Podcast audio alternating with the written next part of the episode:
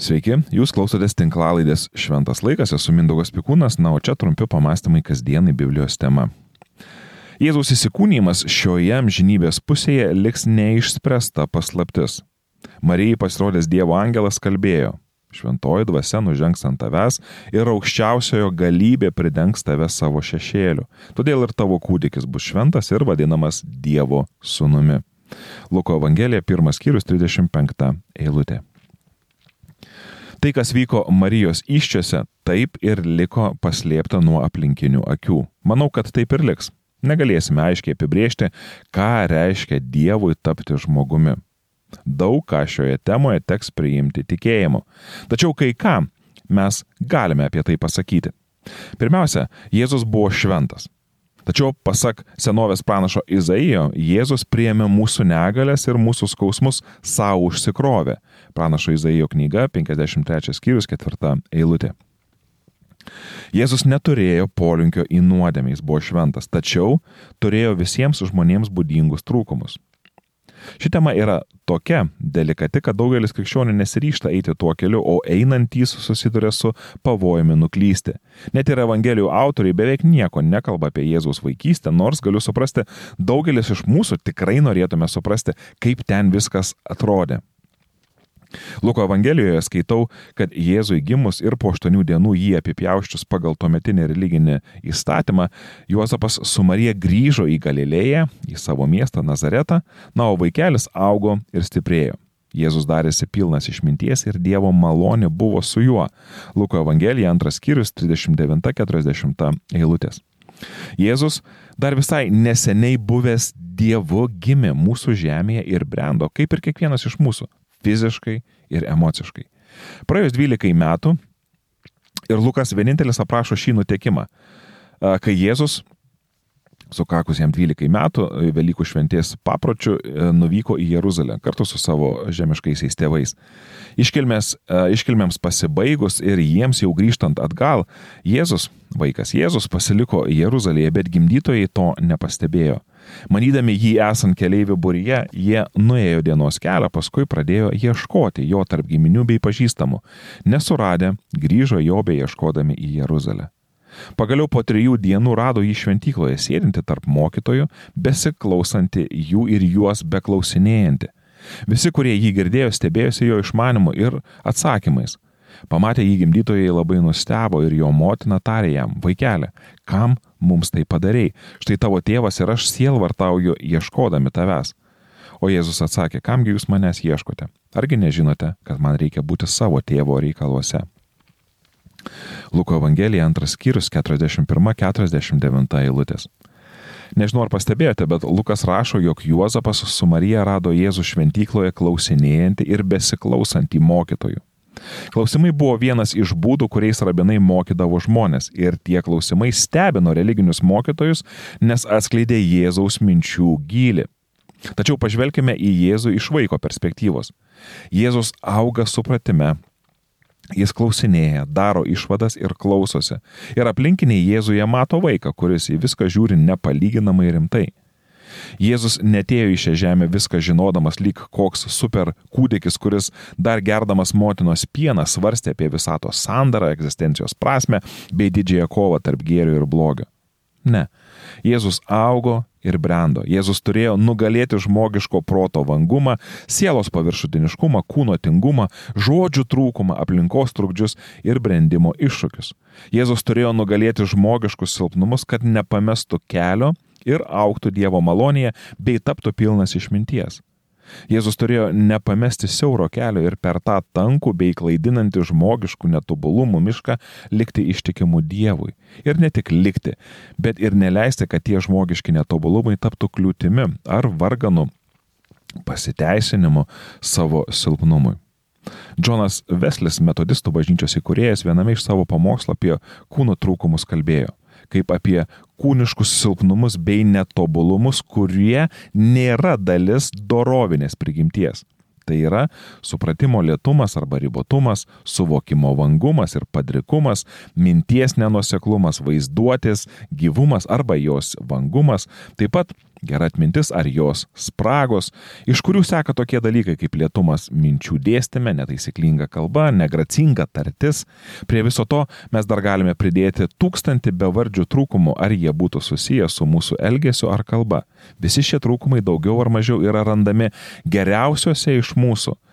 Ir iš jų nei vienas negalime tikėtis būti tobulai išvaduoti, kol siela nesugrįž pas ją mums davusi Dievą. Citatos pabaiga.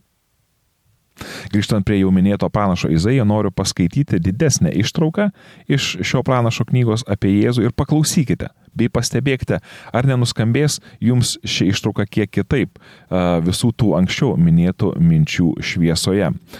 Jis tai yra Jėzus, čia kalbame apie Jėzų, sako, jis išaugo nelyginant atžala jo Dievo akivaizdoje, kaip šaknis iš sausos žemės. Jis nebuvo nei patrauklus, nei gražus, matėme jį, bet nepamėgome. Jis buvo paniekintas, žmogaus vardo nevertas, skausmų vyras, apsipratęs su negale, toks, kuris prieš žmonės užsidengė veidą. Jis buvo paniekintas, laikėme jį nieku, tačiau jis mūsų negalės prisėmė, mūsų skausmus savo užsikrovė, o mes laikėme jį raupsuotu, Dievo nubaustų ir nuvargintų. Bet jis buvo sužalotas dėl mūsų nusižengimų, ant jo krito kirčiai už mūsų kaltes. Bausmė ant jo krito mūsų išganimui, mes buvome išgydyti jo žaizdomis. Pranašo Izaijo knyga, 53 skyrius, 2-5 eilutės. Jėzus buvo apsipratęs su negale. Tai neregėtas stebuklas. Beribis Dievas, kuris buvo apsipratęs su neribotu tobulumu, dabar save apriboja ir prisima trūkumus, kurie yra tokie įprasti kiekvienam žmogui. Tai reiškia, kad Jėzui, jei jis ketino būti žmogus pagal Dievo širdį ir paklusnus sunus net iki mirties, kryžiaus mirties, teko ne tik gyventi su tais netobulumais ir neleisti, kad jie taptų kliūtimi, bet ir savo kūną, kalbą bei mąstymą taip ugdyti, kad jie geriausiai pasitarnautų žmonijos labui bei asmeniniam augimui. Kaip jums tai? Ir nors tai iki galo liks nesuvokta paslaptis, kaip tai atrodė. Vis tik manau, kad visi raštai apie tai, kuriuos, apie kuriuos klausinėjo Jėzus tą dieną šventykloje, pamenate, kai jisai 12 metų apsilankė pirmą kartą šventykloje.